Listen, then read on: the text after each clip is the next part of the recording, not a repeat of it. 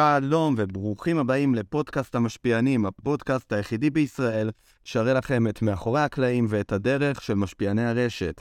למקרה ואתם לא מכירים אותי, קוראים לי איתי, ואני החלטתי שאני רוצה להיות משפיען רשת ולהראות לכם את הדרך ואת התהליך שאני עובר, ולא לפרסם לכם פודקאסט שמתחיל רק בנקודת הסוף. אז למי שלא צפה קודם כל בפרק הקודם, אני ממליץ לכם לחזור ולצפות בו, כי הפרקים בנויים בסדר כרונולוגי ומתבססים אחד על השני. למי שכן צפה בפרק הקודם, אני שמח שאתם איתי כאן. כפי שאתם זוכרים, דיברנו בפרק הקודם על למה בכלל להתחיל ליצור תוכן, ונתנו שלוש סיבות מרכזיות, שהן מטרה עסקית, כלומר, לשווק את העסק שלך, מטרה אידיאולוגית, כלומר, להפיץ איזושהי אג'נדה, ומטרה רפלקטיבית, כלומר, להפוך את עצמי להיות יותר טוב במשהו. וכמובן שאפשר גם לשלב בין המטרות האלה, כמו שאני עושה לכם פה. אז בפרק של היום אנחנו הולכים לדבר על איך אנחנו לוקחים את הדברים האלה והופכים אותם לפרקטיקה. מה מצלמים בסרטון ראשון? על מה מדברים? באיזה נושא? למי אנחנו מדברים? ואיך עושים אותו בכלל? אבל לפני הכל, אני רוצה להקדיש שתי דקות לעבור קצת על הפרק הקודם ולהפיק לקחים משבוע שעבר. למה? כי כמו שאמרתי, אני אומר לכם דרך, ואנחנו עוברים פה תהליך למידה משותפת ורפלקציה עצמית. אז אני ככה אספתי מכולכם הערות וכל מיני חידודים לגבי הפרק הקודם, וגם לגבי כל העשייה שלי במדיה בשבוע האחרון, ואנחנו הולכים ככה ללמוד מזה מה להמשיך ומה להפסיק ואיך לשנות את זה. אז הדבר הראשון שאני רוצה ככה לשנות את הגישה עליו זה הומור, ציניות וסרקסטיות. מה זאת אומרת? יצא לי נגיד בפרק הקודם להשתמש בביטויים שהם יותר הומוריסטיים, והם הצורה שבה אני מדבר לחברים שלי הרבה פעמים. מה הבעיה עם זה? שזה לא משדר סמכותיות, ואני, בתור בן אדם שהוא סרקסטי, אני חושב שכולם מבינים אותי, אבל בטח אתם, או שאתם סרקסטים, או שיש לכם חברים סרקסטים, אז אם אתם סרקסטים, שזה מילה נרדפת לצינים, אתם יודעים ש... אתם חושבים שכולם מבינים אתכם, אבל זה לא תמיד ככה. אני יודע את זה כי אני אחד כזה. ואם יש לכם בסביבה אנשים סרקסטיים, אתם יודעים שכשהם אומרים משהו לפעמים בצחוק, אי אפשר להבין אם הם רציניים או לא. אז מה המסקנה?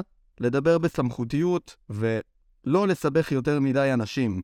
דוגמה הכי טובה לזה זה דונלד טראמפ, או ביבי, כל פוליטיקאי בעצם. אם שמים לב, תמיד בנאומים שלהם ובדרך העברת מסרים שלהם הם משתמשים בשפה ובמונחים כמה שיותר פשוטים וברורים, שכל אחד יכול להבין אותם.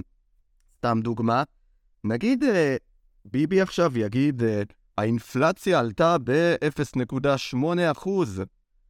הרבה אנשים לא יודעים מה זה אינפלציה, אה, והם לא יודעים אם 0.8% זה, זה הרבה. אז לרוב האנשים פשוט לא יהיה דרך להתחבר למסר הזה.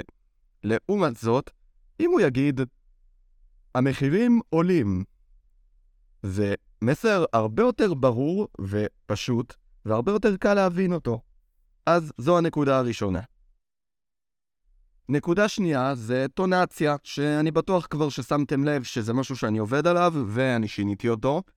כי בואו, בסופו של דבר, אה, עוד, אה, אם אנחנו כבר בדוגמאות על פוליטיקאים ככה, איזה משעמם ג'ו ביידן, כאילו, אי אפשר להקשיב לו.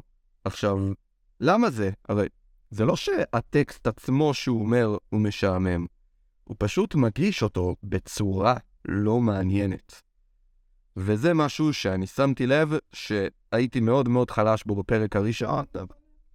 אתם יודעים, פרק ראשון לומדים, משתפרים, והנה אני פה, אה, משחק לכם ככה עם הטונציה. אם יש עוד מה לשפר, אשמח כמובן שתכתבו לי, אני הכי שמח ללמוד ולהשתפר בזכותכם. והדבר האחרון זה טעויות טכניות, משפט שחזר פעמיים, אה, אין יותר מדי מה להרחיב על זה, פשוט אה, לשמוע את הפודקאסט מההתחלה ועד הסוף לפני שאני משגר אותו. אחלה, אז אחרי שדיברנו על זה, בואו נחזור לחלק השני.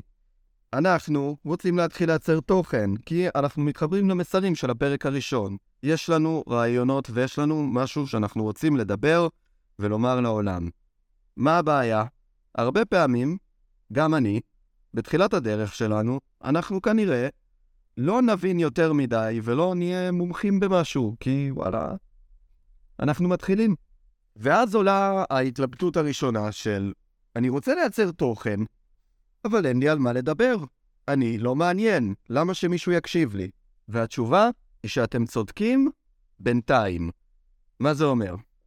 כרגע, מן הסתם בהתחלה שלכם, אבל האמת שאתם ממש לא חייבים להיות פרופסורים בשום תחום כדי להתחיל לייצר תוכן, וההפך, אם אתם תתחילו, עם הזמן אתם תוכלו להפוך אולי לא לפרופסורים, אבל אתם תהיו הרבה הרבה יותר חכמים ותבינו הרבה הרבה יותר על התחום שלכם, אם תתחילו לספר עליו.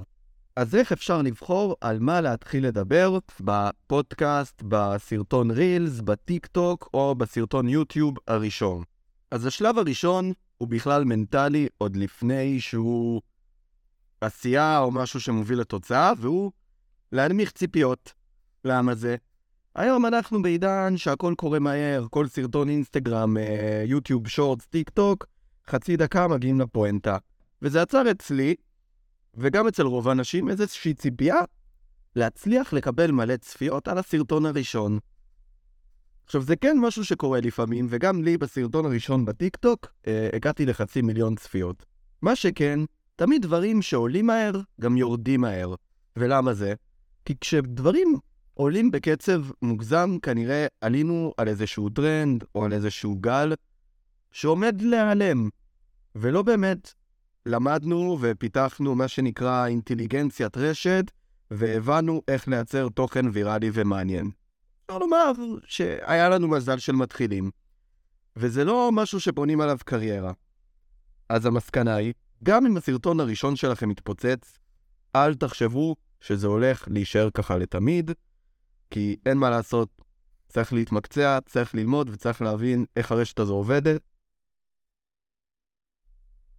השלב השני זה למצוא תחום שמעניין אותנו. לרוב זה יהיה כבר מבוסס על האנשים שאנחנו עוקבים אחריהם ברשתות החברתיות שלנו, ואחרי שנבחר את התחום הזה, אנחנו פשוט נתחיל לעשות דברים בלי לצפות לתוצאה.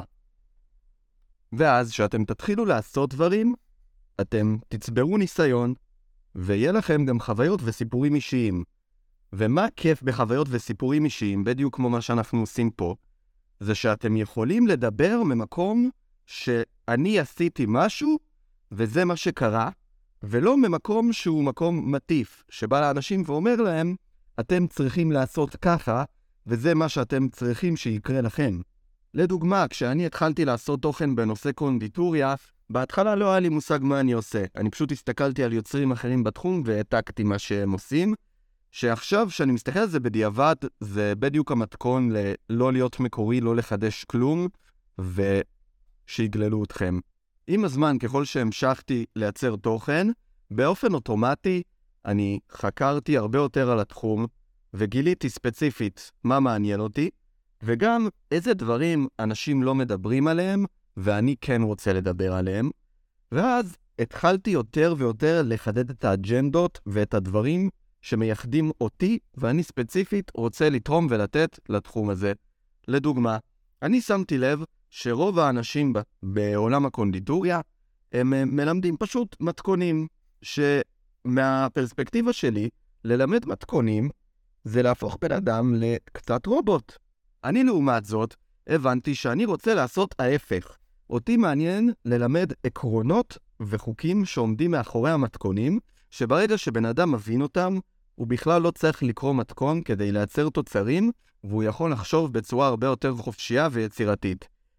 לדעתי הסרטון שהכי מעביר את המסר הזה, זה אחד הסרטונים בעמוד שלי, שמקביל בין קישים ללגו, שבגדול הוא אומר שלכל מתכון לקיש יש תבנית, וברגע שלומדים את התבנית הזו, אפשר לשנות כל מתכון ולהפוך אותו לאינסוף קישים, שבגדול כל הקישים הרי זה אותו דבר, זה בצק עם ירק ועם איזשהו נוזל שמחזיק את הירק בתוך הכיס. דבר נוסף שגיליתי עם הזמן, זה שאני אוהב לחקור ולהבין איך מאכלים מסוימים נוצרים, כי אני אישית מאמין שכשבן אדם יודע איך נוצר מה שהוא אוכל, הוא יכול הרבה יותר ליהנות ממנו. וזה למה נגיד היה הסרטון האחרון שלי על התרמיסו, שהסביר את המשמעות של המילה תרמיסו, ומאיפה היא נוצרה. אז מה השורה התחתונה? שאנחנו נתחיל לייצר תוכן, בהתחלה הרבה פעמים אנחנו נראה לא מקוריים ולא מעניינים, ופשוט נהיה חיקוי של אנשים מובילים שאנחנו לוקחים מהם השראה. ובתור התחלה, גם אני התחלתי ככה, וזה סבבה. עם הזמן, לאט-לאט, ככל שנחקור את התחום, נשים לב שיש דברים שמעניינים אותנו, שאנשים אחרים לא מדברים עליהם, וברגע שאנחנו נביא אותם, אנחנו נהיה מקוריים יותר ומעניינים יותר, וככה בסופו של דבר לא יגללו אותנו. אבל זה פה מוביל לבעיה שנייה שעולה, והיא, מאיפה לי לדעת שזה מה שמעניין את הקהל? הרי אם אנחנו חושבים על זה, יש סיבה מסוימת שתוכן מסוים עובד, ותוכן אחר עוד לא נוצר. כאילו בואו נקביל את זה שנייה לעיירה. בעיירה הזו יש רק מסעדות תאילנדיות. לכאורה, יבוא בן אדם יגיד, אני פותח המבורגריה, בטח יצליח לי פה יותר. וזה מאוד מאוד נשמע הגיוני, הרי לא תהיה לו באמת תחרות. מה שכן, יכול להיות שבעיירה הזו יש רק מסעדות תאילנדיות ואין המבורגריות, כי אנשים פשוט אוהבים רק אוכל תאילנדי בעיירה הזו. אז מה אפשר לעשות? להבין שזה לא שחור או לבן. אנחנו רוצים למצוא את המחנה המשותף, שהוא מצד אחד דברים שמעניינים ומייחדים אותנו, ומצד שני גם יכולים לעניין את הקהל. עכשיו, פה מגיע החלק שאני אומר לכם אזהרה. זה דברים שהם בגדר רעיון, שעוד לא ניסיתי עד הסוף, ועוד לא בטוח ב-100% שהם עובדים. ולכן כל מה שנאמר מקטע זה והלאה, זה בגדר דברים שאתם תקבלו אותם כהמלצה. זה דברים שאני אומר לכם אותם כדי להתחייב מולכם שזה מה שאני הולך לעשות ולבדוק אם זה עובד. ואם זה יעבוד, אז uh, יש לכם מזל, אני קיצרתי לכם את הדרך. אם זה לא יעבוד, אז גילינו עוד דרך שלא עובדת, לא נורא, נמשיך לנסות. אז בגדול התיאוריה שאני כרגע מנסה לבחון, זה שכל נושא יכול לעניין כל בן אדם אם יודעים להעביר מסר ולספר סיפור ולערוך סרטון בצורה שהיא מעניינת ונכונה.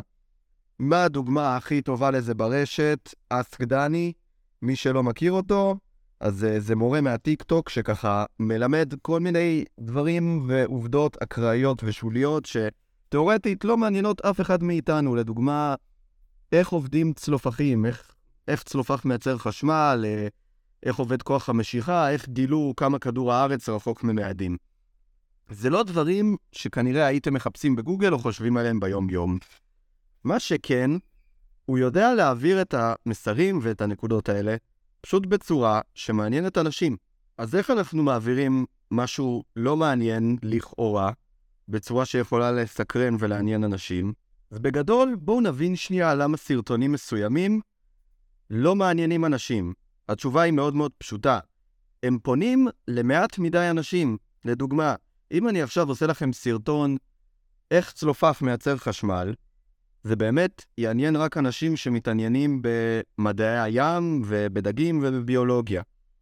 לעומת זאת, ואם תסתכלו עכשיו, רוב הסרטונים הוויראליים מעבירים לכם את המסר באופן שהוא על הדרך, והוא באמצעות איזשהו סיפור או משל.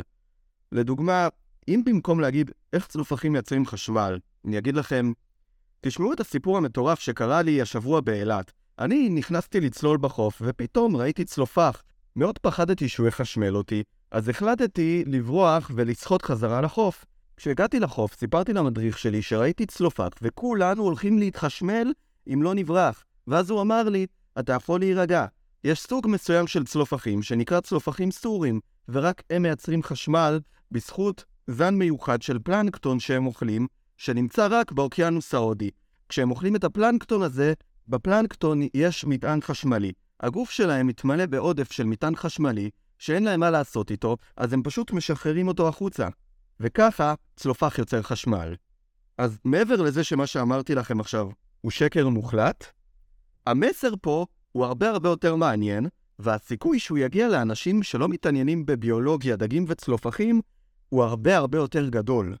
וגם הסיכוי שידברו עליו ויזכרו אותו, הרבה יותר גדול. חוץ מהשלב הזה, יש עוד שלב סופר משמעותי ואפילו יותר מזה, שהוא נקרא ניסוי וטעייה. אין יותר מדי מה להרחיב פה מעבר לזה שצריך פשוט לנסות המון המון דברים עד שמשהו יתפוס. מה רע בזה? שזה לוקח זמן. מה טוב? שברגע שמשהו תופס, אפשר לשחזר אותו ולשכפל אותו, ובסופו של דבר להפוך את התוכן הזה גם למה שמייצג את מה שאנחנו, ולסימן היכר שלנו. שמה זה אומר בפועל?